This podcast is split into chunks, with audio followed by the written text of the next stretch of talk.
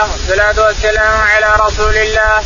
قال الإمام الحافظ أبو عبد الله محمد بن سهل البخاري في سيه كتاب الطلاق. باب اللعان. قول الله تعالى والذين يرمون أزواجهم ولم يكن لهم شهداء إلا أنفسهم إلى قوله من الصادقين.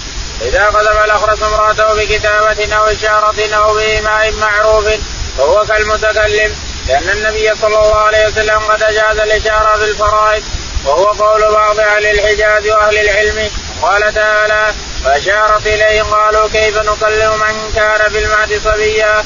وقال الضحاك إلا رمزا إشارة وقال بعض الناس لا حد ولا لعان ثم زعم أن الطلاق بكتاب أو إشارة أو إيماء جائز وليس بين الطلاق والقذف فرق. فإن قال الغزو لا يكون إلا بكلام. قيل له كذلك الطلاق لا يجوز إلا بكلام.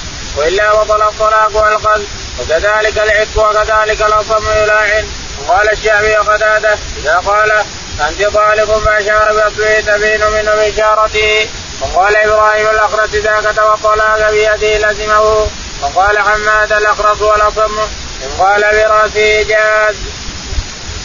بسم الله الرحمن الرحيم. الحمد لله رب العالمين. وصلى الله على نبينا محمد وعلى آله وصحبه أجمعين. الإمام الحافظ أبو عبد الله البخاري رحمه الله في كتابه كتاب اللعان نحن في كتاب الطلاق يقول اللعان الطلاق واللعان من الطلاق يقول من الطلاق جميع ما يحدث من الطلاق ولهذا جمعها فيه قال كتاب الطلاق باب اللعان نعوذ بالله من اللعان نعوذ بالله من اللعان.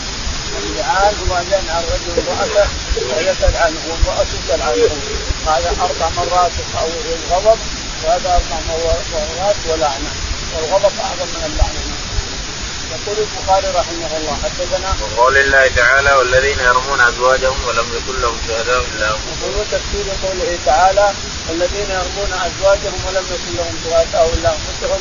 وشهادة أحدهم يشهد أربع شهادات لله إنه لمن الصادقين الرجل وخامسة أن لعنة الله عليه ان كان من الصادقين. والمرأة تشهد فإذا يدرأ عنها العذاب أن تشهد أربع شهادات لله إنه لمن الصادقين والخامسة أن غضب الله عليها والغضب أعظم من اللعنة اللعنة قد تبدأ التابع من الولد سنتين ولكن الغضب غضب رب العالمين قد لا ينتهي وأن غضب الله عليها إن كان من الصادقين. وهكذا. المتلاعنين يقول رحمه الله. فإذا قذف الأقرب امرأته أو إشارة أو بإيماء معروف فهو كالمتكلم.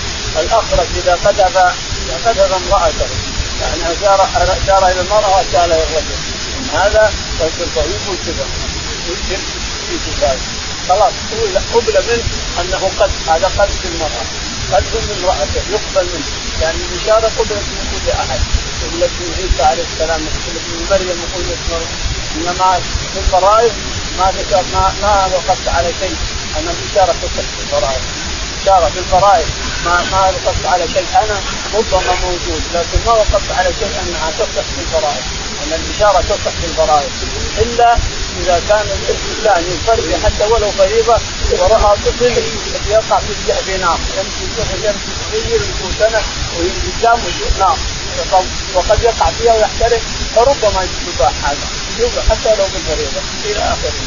أو يشوف حنك أو حيه تمسك مسلم حتى ولو بالفريضه يشكل اليه أو ياخذ العصا يقتلها يمشي يقتلها بالعصا جائز هذا كله. يقول رحمه الله. المتلا نحن في قصة المتلاعنين نعوذ بالله حدثنا؟ قال إذا قدم الاقرص بكتابه أو اشاره معروف فهو الاخرس إذا قذف بكتابه يعني كتب بيده ما يبيه ما يقرأ. ثم قذف امرأته قبل. أو طلقها قبل لأن النبي صلى الله عليه وسلم قد أجاز الاشاره في الفرائض. في وين؟ لأن النبي عليه الصلاة والسلام قد أجاز الاشاره في الفرائض إذا كان يعني يحدد الطفل أو مثلا حنك أو حيه تمشي يتحدث المصلي منها أو يتحدث الإنسان منها يمكن عند الاشياء لكن النبي عليه الصلاة والسلام حصلت عليه أو حصلت على الصحابة وأجازها هذا ما هو البخاري موجود يقول يقول اشاره أجاز الاشاره في الفرائض وقال صلى عليه وسلم قال وهو قول بعض أهل الحجاز وأهل العلم. وهو يقول يعني أجازه الحجاز وأهل العلم أن الإشارة جائزة. وقال تعالى وأشارت إليه وقالوا كيف نكلم من كان استدلوا بقوله تعالى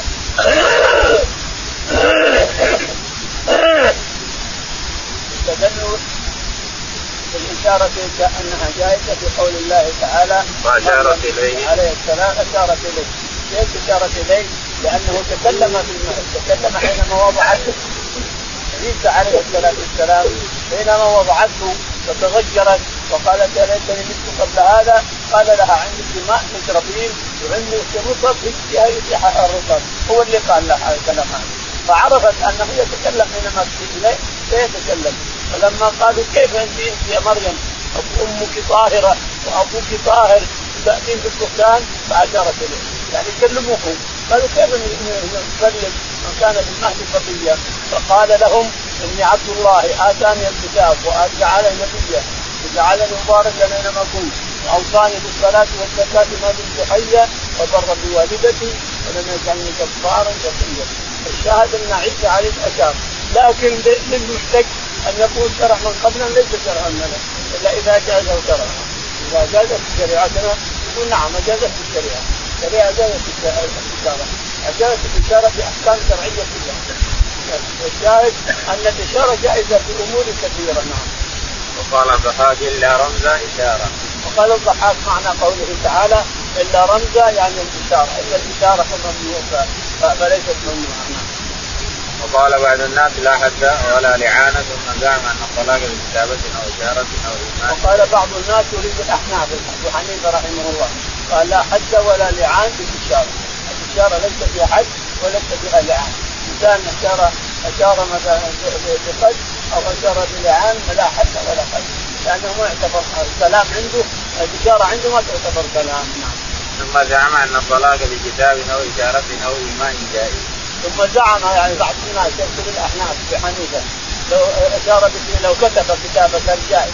لو كتب كتابه قتل امرأته بكتابه جائز وهو أخرج. أو غيره جائز. أو طلق امرأته وهو أخرج. بكتابه جائز. الكتابة يجوز كتب بما يفيد ويقرا يقع الطلاق وتصح الكتابه وتصح الكتابه نعم. ثم زعم أن الطلاق بكتاب أو إشارة أو ايمان جائز.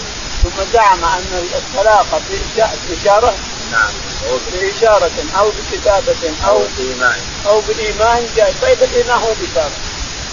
الإيمان هو الإشارة. والإشارة بالطلاق وغيره نظام جائز معناه أنه أباح الإشارة. يصحح أحكام الإشارة. وليس بين الطلاق والقذف فرق وليس عنده بين الطلاق والفرق الإشارة فإن قال القذف لا يكون إلا بكلام قيل له كذلك الطلاق لا يجوز إلا بكلام. إن قال القذف لا يكون إلا بكلام. يعني القذف الكتابة الكتابة يقصد امرأة بكتابة يقول إنها قذفت إنها بكتابه ويكتبه يقول ما يصح هذا. لكن الطلاق يصح. يقول البخاري رحمه الله لا فرق بين الطلاق والقذف. ما فرق؟ ما في فرق بينهما. إذا كتب القذف أو كتب الطلاق جاء كله. كل واحد ما في فرق وكذلك العتق كذلك العتق لو كتب عتق عبده عتق عبده. لو كتبه بما يبين عتق وكذلك الأصم يلاعن وكذلك الأصم يلاعن يعني بالاشاره وقال الشعبي وقتادة إذا قال أن تطالب فأشار بإصبعه يمين من بإشارته. قال الشعبي قتادة إذا أشار بإصبعه أن تطالب أشار بالسلم أنت قال وأشار بإصبعه يعني واحدة قال وإن قال هكذا فلقد ثلاثة لا تحل له إلا بعد الذكر. وقال إبراهيم الأقرب إذا كتب الطلاق بيده لزمه. وقال إبراهيم النخعي إذا كتب الطلاق بيده الأقرب الأقرب إذا كتب الطلاق بيده وهو باين كتابه باينه لزمه الطلاق. وقال حماد الاقرب ولا تمر إن قال برأسه جازا. وقال حماد يقول الأقرب والأضم ان اشار بيده جاز. لأن النبي عليه الصلاة والسلام شاور تنطق الجارية اللي راسها بحجر. ربرتها يا ولدي بحجر وأخذ الوزن قال فلان لا. فلان لا. فلان لا. فحكم في الاشاره عليه الصلاة والسلام. قال رحمه الله حدثنا قتيبة قال حدثنا الليث يحيى بن سعيد الأنصاري إنه سمع انس بن مالك رضي الله عنه يقول قال رسول الله صلى الله عليه وسلم ألا أخبركم بخير دور الأنصار قالوا بلى يا رسول الله قال بنو النجار ثم الذين يلونهم بنو عبد الاشهر ثم الذين يلونهم بنو الحارث بن الخزرج ثم الذين يلونهم بنو ساعدة ثم قال بيده فقبض اصابعه ثم بسطهن كالرامي بيده ثم قال وفي كل دور الامصار خير. يقول البخاري رحمه الله حدثنا قتيبة بن سعيد. قتيبة قال حدثنا الليث الليث بن سعد. قال حدثنا يحيى الأنصاري. يحيى الأنصاري قال عن أنس بن مالك. عن أنس رضي الله تعالى عنه أن النبي عليه الصلاة والسلام فضل دون الأنصار. فقال خير بني خير دون الأنصار بني النجار. بني النجار ثم بني عبد الأسد ثم بني الحارث بن الخزرج بني الحارث بن الخزرج ثم بنو ساعد بنو ساعدة ثم قال بيده فقبض. فقال بيده ضمها ثم فتح. وجود وجود الأنصار خير هذه إشارة واضحة. قال رحمه الله حدثنا علي بن عبد الله قال حدثنا سفيان قال قال أبو حازم سمعت من سالم بن سعد الساعدي رضي الله عنه صاحب رسول الله صلى الله عليه وسلم يقول قال رسول الله صلى الله عليه وسلم الانسان والساعة كهذه من هذه أو كهاتين وقرن بين السبابة والوسطى. يقول البخاري رحمه الله حدثنا علي بن عبد الله. علي بن عبد الله قال حدثنا سفيان. سفيان قال حدثنا أبو حازم. أبو حازم قال عن سالم بن سعد. عن سالم بن سعد الساعدي رضي الله عنه النبي عليه الصلاة والسلام قرن بين اصبعه هكذا السبابة والوسطى. السبابة هذه والوسطى. قال أنا والساعة كهاتين ويقال إنه قطعهما كذا ويقال إنه ضمهما كذا. جاء هذا. جاء انه بعث بين يدي الساعة. الرسول عليه الصلاة والسلام يسمى نبي الساعة. قال رحمه الله حدثنا آدم قال حدثنا شعبة قال حدثنا جبلة بن سحيم قال سمعت ابن عمر رضي الله عنهما يقول قال النبي صلى الله عليه وسلم الشهر هكذا وهكذا وهكذا. يعني ثلاثين. ثم قال وهكذا وهكذا وهكذا. يعني تسع وعشرين يقول مرة ثلاثين ومرة تسع وعشرين. يقول البخاري رحمه الله حدثنا آدم. آدم قال حدثنا شعبة. شعبة قال حدثنا جبلة بن سحيم. جبلة بن سحيم قال عن ابن عمر. عن ابن عمر رضي الله تعالى عنه أن النبي عليه الصلاة والسلام أشار بيديه بعشر العشر قال الشهر هكذا ثلاث عشره وهكذا. وهكذا. اي ثلاثين ثم عد مرة ثانية. الشهر هكذا وهكذا وهكذا. عد ثلاثة أشهر ثم قال والشهر هكذا ثم ضم واحد. يعني ضم الاسهام وقال الشهر هكذا وهكذا وهكذا. تسع وعشرين ثم طول الشهر هكذا وهكذا وهكذا. ثلاث مرات ثلاثين وثلاث مرات تسع وعشرين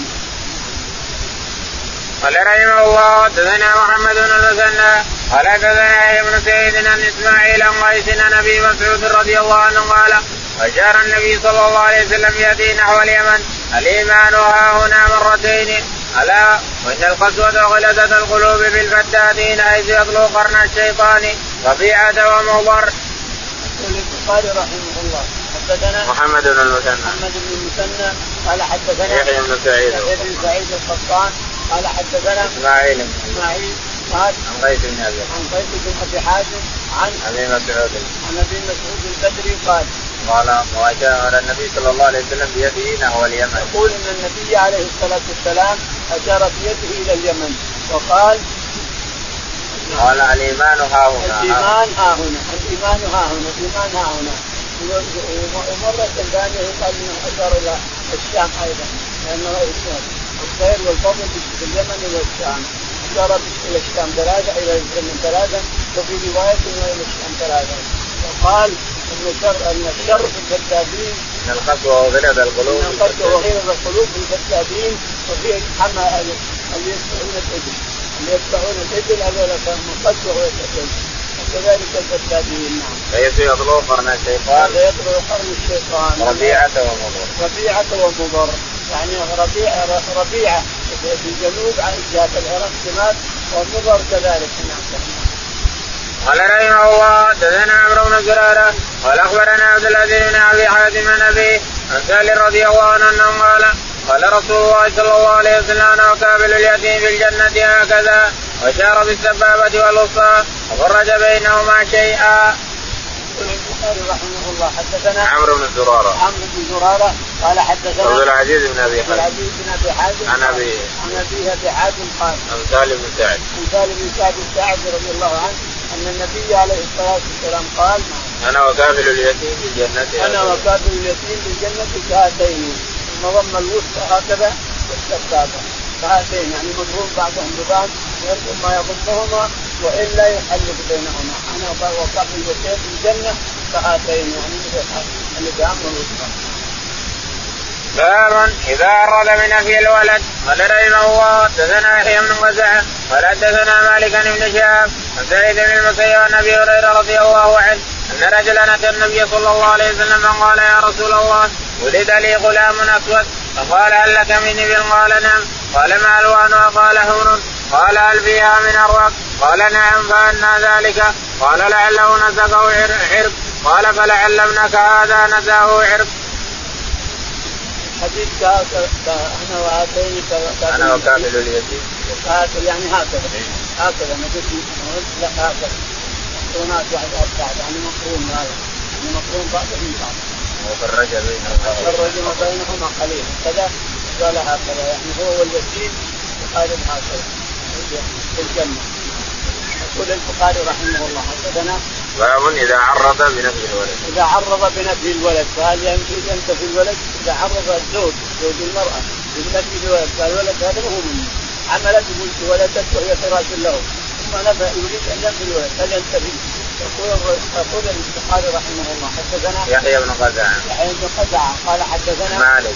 مالك قال عن ابن شهاب. عن ابن شهاب الزهري قال عن سعيد بن المسيب عن أبي هريرة. عن سعيد بن المسيب عن أبي هريرة رضي الله عنه أن النبي عليه الصلاة والسلام جاءه رجل فقال يريد أن ينفي ولده قال يا رسول الله ولد لي غلام اسود إنه مني يريد أن ينفيه.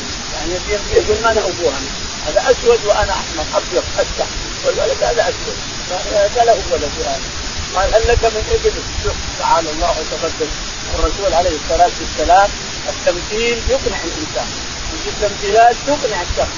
قال هل لك من إبل؟ قال نعم. قال ما لونها؟ ألوانها قال حمر كلها الكبر الابل قال هل فيها من اوراق؟ فيها شيء فيها سواد وبياض؟ قال فيها. قال منين جاب البعير اللي فيها اوراق منين جاب هذا؟ قال لعله نزال عرق. قال أنت أيضا ولدك لعله نزال عرق. أما من أعمامه ولا من أقواله؟ اقناع لذيذ جدا. اقناع للرجل لذيذ جدا. تمثيل. ما قال له لا ولا إيه. كذا وكذا وكذا. فالتمثيل هو اللي يقنع الإنسان إذا نفى شيء. والنبي لا يجوز. فيرجم امرأته من رجل مع امرأته ولد يريد أن ينفيه ما يمكن. ما يمكن ينفيه حفظا للانساب وصيانة للفروج صيانة حفظا للفروج حفظا للفروج وصيانة للانساب لو قال تزوج إنسان أو وجد مع امرأته طفل أو وجد امراه زوجها وجد طفل أو وجد مع امته المملوكه طفل ما يستطيع أن ينفيه ما يمكن. أن ينفيه لأن الولد للفراش وللعاهر الحجر وحفظة الأنساب وصيانة للفروج لا يمكن أن ينتهي. إذا راى مع امرأته مولود لا يمكن أن ينتهي. باب إلاف الملاعن قال رحمة الله حدثنا موسى بن إسماعيل قال حدثنا جويري عن نافع عن عبد الله رضي الله عنه إن رجلا من الأنصار قدم امرأته فاعلمهما النبي صلى الله عليه وسلم ثم فرق بينهما. يقول البخاري رحمه الله باب احلاف الملاعن. يعني يحلفه الرسول عليه الصلاة والسلام أربع مرات والخامسه لعنة أو يحلفها أربع مرات والخامسه غضب. هذا الاحلاف يحلف هذا ويحلف هذا ثم يفرق بينهما. حتى لو ما طلق يتفرقان اللعان يفرق المرأة من الرجل حتى لو ما طلق مع إنه طلق. لما انتهى كذبت عليه إلا لو طلقها ثلاثا يقول إنها سنة. اتصل لكن الرسول كذب صح؟ فهذا تكون سنه من رجل إذا كذب الرسول جائز هذا. يقول البخاري رحمه الله حدثنا موسى بن إسماعيل. موسى بن إسماعيل. قال حدثنا جويرة بن جويرية بن اسماء قال حدثنا نافع عن ابن عمر. نافع عن ابن عمر. إن النبي عليه الصلاة والسلام قال نعم. إن رجلا من الأنصار قذف امرأته فاحلفهم النبي صلى الله عليه وسلم إن رجلا من الأنصار قذف امرأته فاحلفهم النبي عليه الصلاة والسلام. الاثنين احلفهم الرجل عليه اللعنة بعد بعد الحلف والمرأة عليها الغضب بعد الحلف باب يبدأ الرجل بالتلاعن قال رحمه الله حدثنا محمد بن بشار قال حدثنا ابن أبي عدي عن بن حسان قال حدثنا عكرمة بن عباس رضي الله عنهما. إن هلال بن أمية رضي الله عنه قدم امرأته فجاء فشهد والنبي صلى الله عليه وسلم يقول إن الله يعلم أن أحدكما كاذب فهل منكما تائب ثم قامت فشهدت. يقول البخاري رحمه الله حدثنا باب يبدأ الرجل بالتلاعن باب يبدأ الرجل بالتلاعن الرجل هو اللي يبدأ التلاعن إذا قذف امرأته. يقول البخاري حدثنا محمد بن بشار. محمد بن بشار قال حدثنا ابن أبي عدي. ابن أبي عدي قال حدثنا هشام بن حسان. هشام بن حسان قال عن عكرمة عن ابن عباس. عن عكرمة عن ابن عباس قال ابن عباس رضي الله عنه نعم أن هلال بن أمية امراته هلال بن أمية الواقفي قذف امرأته برجل فأمرهم الرسول عليه الصلاة بالتلاعن نزلت الآية أن يتلاعنا فامرهم بالتلاعن فبدا بالرجل فلعن امرأته أربع مرات ثم لعنها ثم لعنها الخامسه ثم لما قال هل منكم من تائب؟ الواحد منكم تائب أن واحد منكم تائب تلكأت شوية لأن الرسول وعظها وذكرها الآخرة وأنه لا يضرك لو لو رجمت أو ضربت ما يضرك. أرادت أن تتوب لكنها قالت والله لا اصبح القوم سائر اليوم. والله لا اصبح القوم سائر اليوم. فتقدمت ولعنت نفسها أربع مرات وأن الغضب على غضب الله عليها إن كان من الصادقين. إلى اخره. باب اللعان ومن طلق بعد اللعان. قال رحمه الله حدثنا إسماعيل قال حدثني مالك بن شهاب أن سهل بن سعد الساعدي رضي الله عنه أخبره أن عويمر العجلاني جاء إلى عاصم بن عدي الانصاري رضي الله عنه فقال له يا عاصم أرأيت رجلا وجد مع امراته رجلا يقتله فتقتلونه أم كيف يفعل؟ سل يا عاصم عن ذلك. فقال فسأل عاصم رسول الله صلى الله عليه وسلم عن ذلك. فكره رسول الله صلى الله عليه وسلم المسائل وعابها حتى كبر على عاصم ما سمع من رسول الله صلى الله عليه وسلم فلما رجع عاصم إلى أهله جاءه وعمر فقال يا عاصم ماذا؟ وماذا قال لك رسول الله صلى الله عليه وسلم؟ فقال عاصم لعمر لم تأتني بخير قد كره رسول الله صلى الله عليه وسلم المسألة التي سألته عنها فقال عويمر والله لا انتهي حتى اساله عنها فاقبل عويمر حتى جاء رسول الله صلى الله عليه وسلم وتطنعت قال يا رسول الله أرأيت رجلا وجد وامرأتي رجلا؟ فيقتلوه فتقتلونه كيف أفعل؟ فقال رسول الله صلى الله عليه وسلم قد أنزل فيك وفي صاحبتك فذبات بها. قال سهل فتلاعنا وأنا مع الناس عند رسول الله صلى الله عليه وسلم. فلما فرغ من تلاعنه ما قال عبيبر كذبت علي يا رسول الله إن أمسكتها. فطلقها ثلاثا قبل أن يأمره رسول الله صلى الله عليه وسلم. قال ابن شهاب فكان سنة المتلاعنين. يقول البخاري رحمه الله حدثنا باب اللعان ومن طلق بعد باب اللعان. ومن طلق بعد اللعان. بعد ما انتهى اللعان طلقها ثلاثا. يقول بعضهم إنها سنة. السنة لازم إلا كان يعني دليل أن النبي أن أن هذا الرجل طلق امرأته ثلاثا فكذبت عليه لما تكتب ثم طلقها ثلاثا وسكت النبي فيكون دليل باعجابه لكن سنه لأنه قال سنة المتلاعنين. يعني هذا سنة؟ لأن الرسول سكت باعجابه يقول البخاري رحمه الله حدثنا إسماعيل. إسماعيل. قال حدثنا مالك. مالك. إسماعيل بن أبي ويس عن مالك قال عن ابن شهاب. ابن شهاب الزهري قال عن سهل بن سعد. عن سهل بن سعد الساعدي قال أن عمر العجلاني جاء إلى عاصم بن علي الانصاري ومرنا هلال بن اميه الواقفي نعم قبله. مثل هذه؟ هو قضيتين نعم كنا قضيتين كانها قضيتين لأن هلال بن اميه الواقفي حصل له مثل هذا. وهذا عويمر العقلاني جاء إلى عاصم بن علي فقال له يا عاصم رأيت رجلا وجد رجل رجلا قال إلى عاصم بن علي. رئيس القبيلة يا رئيس رئيس رئيس قبيلته فقال يا عاصم رايت أن وجد رجلا مع امراته ماذا يفعل؟ أو تقتلونه وإن سكت اضيها قال اسأل للرسول عليه الصلاة والسلام. فذهب عاصم وسأل الرسول عليه الصلاة والسلام فكره الرسول وعابها كره هذه المسائل وعابها وتكلم بكلام مستشع جاء عاصم إلى بيته ودخل الباب وجاء ذاك دق عليه عويمر العقلاني دق عليه الباب حتى فتح. أنه فتح قال اخبرني قال ما جئتني بخير ولا جئت بشيء.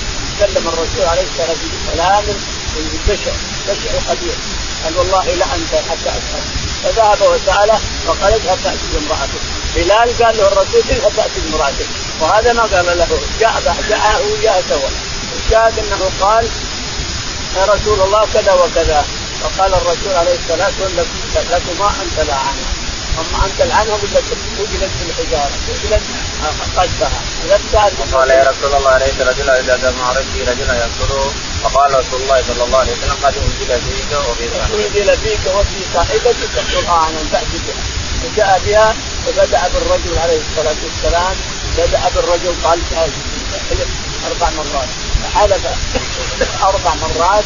أنه وجد رجل مع امرأته.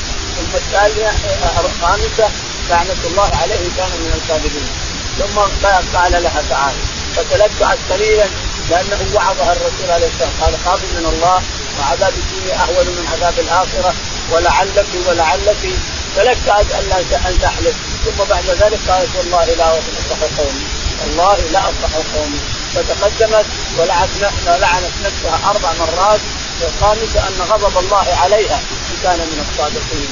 ثم لما انتهوا من من اللعان طلق الرجل بدون يأمره الرسول. طلق قال كذبت عليها.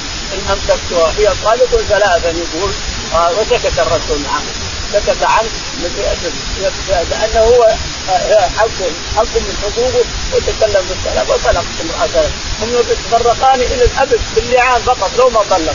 لكن الطلاق يذكر.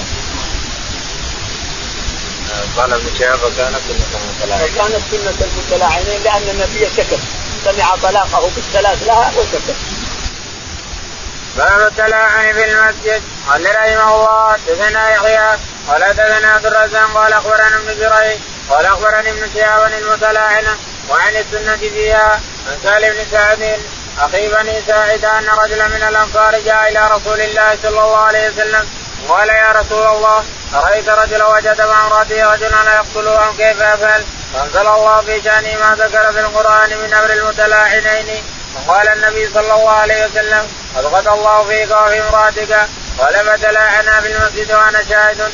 فلما فرغا قال كذبت عليها يا رسول الله إن أمسكتها. فطلقها ثلاثا قبل أن يأمره رسول الله صلى الله عليه وسلم.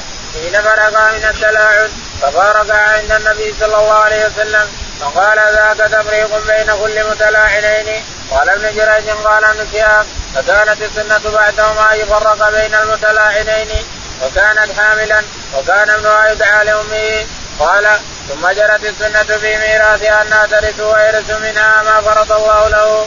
قال ابن جريج عن ابن شهاب عن سالم بن سعد الساعدي في هذا الحديث إن النبي صلى الله عليه وسلم قال إن جاءت به أحمر كثيرا كأنه وحرا فلا أراها إلا قد صدقت وكذب عليها وإن جاءت به أسود عين ذات آلهته لا أراه إلا قد صدق عليها فجاءت به على المكروه من ذلك. البخاري رحمه الله حدثنا باب التلاعن بالمسجد. باب التلاعن بالمسجد يعني التلاعن لا يكون إلا بالمسجد أمام الإمام وأمام الجماعة أمام جماعة من الناس أمة من الناس تجتمع التلاعن بالمسجد مع الإمام يقول رحمه الله حدثنا يحيى. يحيى قال حدثنا عبد الرزاق. عبد الرزاق قال حدثنا ابن جريج. ابن جريج قال عن ابن شهاب. عن ابن شهاب قال قال حدثني سهل بن سعد أخي بن قال حدثني سهل بن سعد أخي بن ساعده سهل بن سعد الساعدي أخي بن ساعده أن رجلا من الأنصار جاء إلى رسول الله صلى الله عليه وسلم. جاء إلى الرسول عليه الصلاة والسلام فقذف امرأته برجل أنه وجد مع امرأته رجل. فقال الرسول عليه الصلاة والسلام ائت بها فجاء بها فتلاعنا فصار اللعان سنه لمن قذف امرأته برجل والدخول إنه وجد مع امرأته رجل هو السنة أن يتلاعنا فيبدأ الرجل أنه وجد مع امرأته رجل وأنه أربع مرات أنه لعنة الله عليه إن كان كاذبا لعنة الله عليه إن كان كاذبا إلى اخره لأن لعنة الله عليه إن كان كاذبا ثم تأتي هي فتشهد أربع شهادات إنه لمن الكاذبين وان غضب الله عليها إن كان من الصادقين. ثم يفرق بينهما أن طلق من عنده ثلاثة والا ما ما ما, ما في لزوم إنه يطلق. لأن اللعان يفرق بينهما خلاص. تحرم عليه ابدا. تحرم عليه لأنها من من الأنواع التي تحرم المرأة على الرجل؟ ابدا. الطلاق الثلاث. واللعان والفراق باللعان وأن يقول وأن يقول الرجل لامرأته هي أختي. إذا قال الرجل لامرأته هي أختي حتى له يمزح حرمت أبدا حرمت عليه إلى الأبد. وإذا تلاعن وتفرق حرمت إلى الأبد حتى لو ما طلقها. وإذا طلقها بالثلاث لفظا حرمت عليه حتى تنكح زوجا غيره. هذه بشرط أنها تنكح زوجا غيره وثنتين يحرم عليه ابدا. إذا قال هي أختي من الرضاعة أو أنه تلاعن تحرم ابدا. الثنتين هذول يحرمانها عليها ابدا. واللي يطلق بالثلاث يحل له بعد زوج إلى اخره قال فتلاعنا في المسجد وأنا شاهد.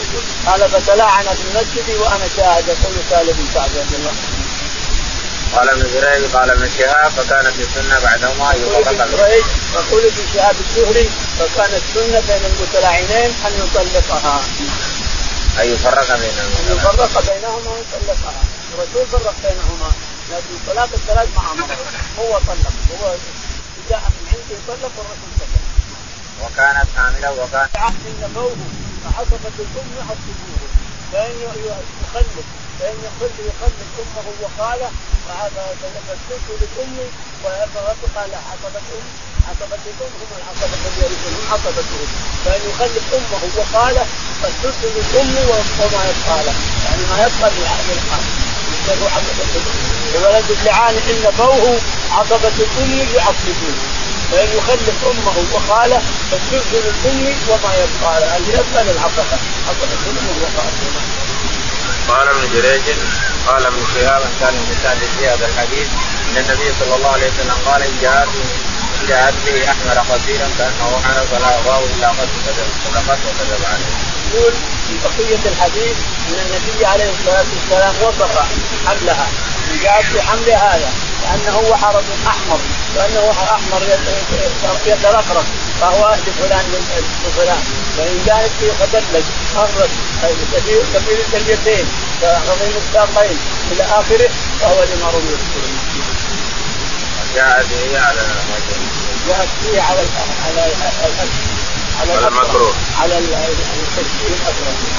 باب قول النبي صلى الله عليه وسلم لو كنت راجعا من غير بينة قال حدثنا سعيد بن عبيد قال حدثني الليث يحيى بن سعيد عن عبد الرحمن بن قاسم بن قاسم بن محمد بن عباس رضي الله عنهما أنه ذكر التلاعن عند النبي صلى الله عليه وسلم قال عاصم بن عدي في ذلك قولا ثم انصرف فأتاه رجل من قوم يشكو إليه أنه قد وجد مع امرأته رجلا قال عاصم ابتليت بهذا إلا لقوله ابتليت بهذا إلا لقولي. فذهب به إلى النبي صلى الله عليه وسلم فأخبره بالذي وجد عليه امرأته. وكان ذلك الرجل مصفرا قليل اللحم صوت الشعر وكان الذي ادعى عليه أنه وجده عند أهله. قتلا آدم كثير اللحم. فقال النبي صلى الله عليه وسلم اللهم بين. فجاءت شبيه بالرجل الذي ذكرها زوجها أنه وجده. فلاعن النبي صلى الله عليه وسلم بينهما. قال رجل لابن عباس في المجلس هي التي قال النبي صلى الله عليه وسلم لو رجمت أحدا بغير بينة رجمت هذه قال لا تلك امرأة كانت تثير في الإسلام السوء. قال أبو سالم عبد الله بن يوسف خذلها. يقول البخاري رحمه الله حدثنا باب قول النبي صلى الله عليه وسلم لو كنت راجما بغير باب قول باب قول النبي عليه الصلاة والسلام لو كنت راجما لرجمتها لو كنت راجما بدون بينه لرجمت هذه المرأة. يقول ابن عباس هذه المرأة هي التي لعنها زوجك قال لا. هذه امرأة تقول منافقه تقول الاسلام يقول لو كنت راجما بدون بينه يجيها يجيها أخبار عنها يجيها عليه الصلاة والسلام أخبار عنها أنها تكون السوء وتسب الإسلام وتسب الرسول. فلو كنت راجلا بدون بينة فرجمتها ابن عباس يمشي أن يقول هذه. يعني كثير من العلماء يقولون هي هذه هي اللي لاعنت هي لو كنت راجلا لرجمتها هي اللي لاعنت لكن تعجب في هذا يقول لا امراه كانت تظهر السوء الإسلام. قال حدثنا سعيد بن عبيد. حدثنا سعيد بن عبيد. قال حدثنا مالك الليث. الليث بن سعد قال حدثنا يحيى بن سعيد الأنصاري. بن سعيد الأنصاري. قال عن عبد الرحمن القاسم عبد الرحمن بن القاسم عن ابيه عن ابيه القاسم. قال عن ابن عباس. عن ابن عباس رضي الله عنهما قال أنه ذكر السلاع عند النبي صلى الله عليه وسلم فقال عاصم بن عدي في ذلك الشيء. يقول ابن عباس السلام ذكر عند النبي عليه الصلاة والسلام فقال فيه قوله جاءه صاحب ابي السلم اول عاصم راح للرسول وسأله عن مساله الله تعالى تقدم يريد أن يظهر هذه المسألة علنا ان تكون حكما شرعيا. فذهب عاصم شيخ القبيله وسال الرجل عنها قبل أن تقع وقبل أن يعلموا أنها ستقع. وسأله عن نفس المسألة. ثم جاء عاد هذا الرجل ويمر جاء بعد ذلك قال سبحان الله سبحان الله. ما ابتلاني الله بها في هذا الرجل وامرأته إلا لاني تكلمت فيها عند الرسول عليه الصلاة والسلام. ما لي أنا هذا ان الانسان لا يتكلم باشياء يترك الاشياء لأنها قد تكون هي تكون ما قال أو تكون كذا. يعقوب عليه الصلاة والسلام لما قال قبل ياكله الذئب جاءوا قالوا ثلاثة يعني تلقن الناس حجتهم حجتهم الشاهد أنه قال ما ابتليت بهذا إلا لاني سالت الرسول عنها. انظر ابتليت واحد من قبيلتي. فحصل ما حصل عند الرسول عليه الصلاة والسلام وقذفها ويلت برجل وصف الرسول الرجل عليه الصلاة والسلام الذي يجلس معه كأنه قد دلج من كبير الحجتين إلى آخره. وأما الرجل الثاني زوجها فليس كذلك. باب صداق الملاعنة ملاعنة. قال رحمه الله دلنا عمرو بن زرارة. قال أخبرنا إسماعيل أن أيوب سعيد بن جبير أنه قال قلت لابن عمر رضي الله عنهما رجل قدم امراته فقال فرق النبي صلى الله عليه وسلم بين خيبا العجلان وقال الله يعلم أن احدهما كاذب فهل منكما تائب؟ فأبيا. وقال الله يعلم أن احدكما كاذب فهل منكما تائب؟ فأبيا. وقال الله يعلم أن احدكما كاذب فهل منكما تائب؟ فأبيا. ففرق النبي بينهما قال أجوب فقال لي عمرو بن في الحديث شيئا لا اراك تحدثه قال قال الرجل ما لي قال قيل لا مال لك. إن كنت صادقا فقد دخلت بها. وإن كنت كاذبا فهو أبعد منك. البخاري رحمه الله. حدثنا باب صداق الملاعن. باب الصداق الملاعن. هل يرجع له الملاعن؟ إذا طلب صداقه المرأة يرجع له تقول له لأنه استحل فرجه بما استحل. الفرج ما يستحل الا بمال ولا يمكن يرجع له الملاعن ما يرجع مال لأنه مستحل من الفرج كل إنسان يستحل فرج بمال لا يرجع له بالمال. كل إنسان سواء شبهه واعطاها صداق أو غير ذلك لا يمكن يرجع لأنه استحل الفرج والفرج لا يستحل إلا بالمال فلا يرجع له المال. يقول البخاري رحمه الله حدثنا عمرو بن زرارة. عمرو بن زرارة قال حدثنا اسماعيل إسماعيل.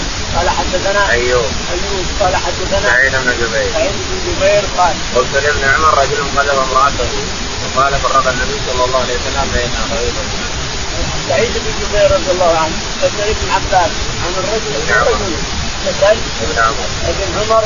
الرجل فرق بين بين بين امرأته. فقال ذاك من فلاعينين ثم قص عليه القصة التي حصلت بين عويمر وامرأته وقال النبي صلى الله عليه وسلم قال الله يعلم أن احدكما ثالث قال الرسول عليه الصلاة والسلام الله يعلم أن احدكما لثالث فهل من تائب؟ قال لا. قال الله يعلم أن احدكما لثالث فهل من تائب؟ قال لا. قال الله يعلم أن احدكما لثالث فهل من تائب؟ ثم أنزل المرأة قال لا. حينئذ جعلهما يتلاعنان لما كرر عليه التوبة ورفض جعلهما يتلاعنان. قال الرجل في آخر الحديث فقال لي عمرو بن ديران في الحديث شيئا لا اراك تحدث يعني عمرو بن دينار يقول ابن عباس قال قال الرجل مالي قال لي قال الرجل مالي قال ليس لك مال إن كنت صادقا عليها لم تستحللت من فرجها وإن كنت كاذبا فهي لك كل إنسان يستحل فرج فيمكن له المال. بمال فيمكن له لأنه استحل الفرج خلاص. انسان يطلقها فرجها وان كان غيره استحل فرجها. المهم كل إنسان يستحل الفرج فإنه لا يدفع له مال. باب قول الإمام للمتلاعنين إن أحدكما كاذب فهل منكما تائب؟ قال رحمه الله حدثنا علي بن عبد الله قال حدثنا سفيان قال عمرو سمعت سعيد بن جبير أنه قال سألت ابن عمر رضي الله عنهما عن المتلاعنين فقال قال النبي صلى الله عليه وسلم للمتناعلين حسابكما على الله أحدكما كاذب لا سبيل لك عليها قال ما لي؟ قال لا مال لك إن كنت صدقت عليها فهو بما استحللت من فرجها فإن كذبت عليها فذاك أبعد لك. قال سفيان حفظته من عمرو وقال أيوب سمعت سعيد بن جبير قال قلت لابن عمر رجل قلع عن امرأته فقال باصبعيه وفرقه كليان بين اصبع السبابه والوسطى فرق النبي صلى الله عليه وسلم بين أخوي بني العجلان. وقال الله يعلم إن أحدكما كاذب قال منكما تائب ثلاث مرات. قال سفيان عبدته من عمرو وأيوب كما أخبرتك. يقول رحمه الله.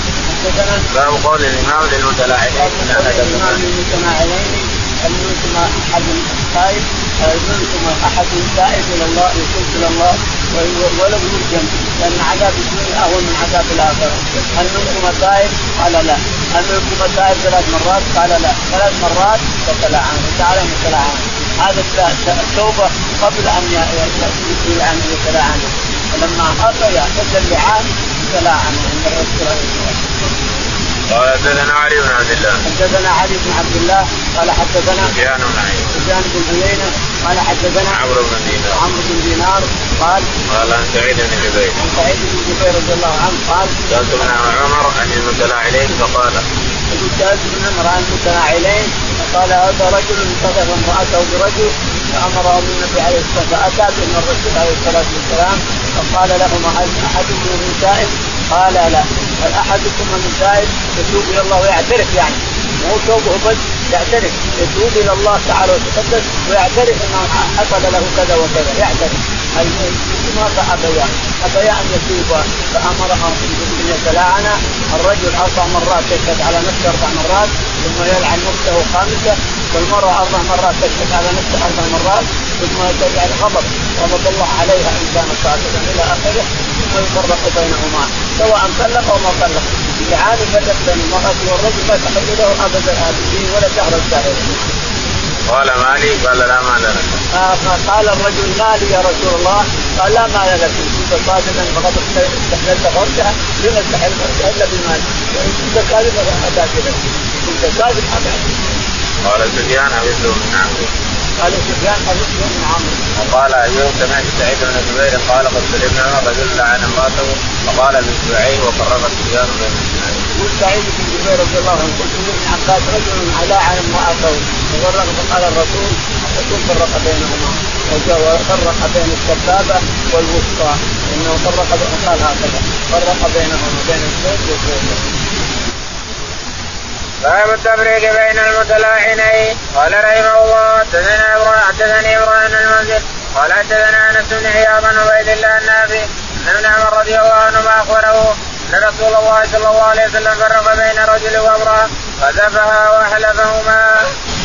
يقول البخاري رحمه الله باب التفريق بين التفريق بين المتلاعنين يقول حدثنا إبراهيم بن المنذر إبراهيم بن المنذر قال حدثنا انس بن عياض انس بن عياض قال حدثنا عبيد الله النافع عبيد الله عن نافع عن ابن عمر قال رسول الله صلى الله عليه وسلم فرق بين رجل وامرأة. رسول الله عليه الصلاة والسلام فرق بين رجل وامرأته بعد اللعان، بعدما تلاعن فرق بينهم الرسول عليه الصلاة والسلام ولا تحل له أبدا الآخرين ودهر الجاهلين. قال رحمه الله حدثنا مسدد قال حدثنا يحيى عن عبيد الله قال أخبرني نافع عن ابن عمر رضي الله عنهما أنه قال لعن النبي صلى الله عليه وسلم بين رجل وامرأة من الأنصار وفرق بينهما. يقول البخاري رحمه الله حدثنا مسدد مسدد قال حدثنا يحيى. يحيى قال حدثنا عبيد الله. عبيد الله قال عن عن نافع عن ابن عمر إن النبي عليه الصلاة والسلام فرق بين رجل وامرأته تلاعنا وفرق بينهما عليه الصلاة والسلام. فراقا ابديا. باب يلحق الولد بالملاعنة. قال رحمه الله حدثنا يحيى بن بكير قال حدثنا مالك قال حدثني نافع عن ابن عمر رضي الله عنهما. أن النبي صلى الله عليه وسلم لعن بين رجل وامراته فانتفع بولدها وفرق بينهما وألحق الولد بالمرأة. يقول البخاري رحمه الله الولد المولود بين المتلاعنين يلحق بامه على وين تكون أقول انت اليوم لعنها خلاص. قذفها فلا يلحق به انما يلحق به يقول البخاري رحمه الله حدثنا يحيى. يحيى قال حدثنا مالك. مالك. قال حدثنا نافع عن نافع عن ابن عمر أن النبي عليه الصلاة والسلام فرق بين متلاعنين ونفى الولد أو جعل الولد امه ما دام الرجل نفاه وأنه لعنها وشهد على نفسه الولد يجعل أمه. لأنه ولد الدعاء نفوه وولد لعان إن بوه عصبة الأم يعصبوه فإن يخلف أمه وخاله فترسل الام وما يبقى له يعني ما يبقى للعقبه وهو الخالق. الخالق هو باب قول الإمام اللهم بين. ولا تدنا إسماعيل. ولا تدني سليمان بن بلال يحيى بن سعيد قال ورني عبد الرحمن بن قاسم بن قاسم محمد.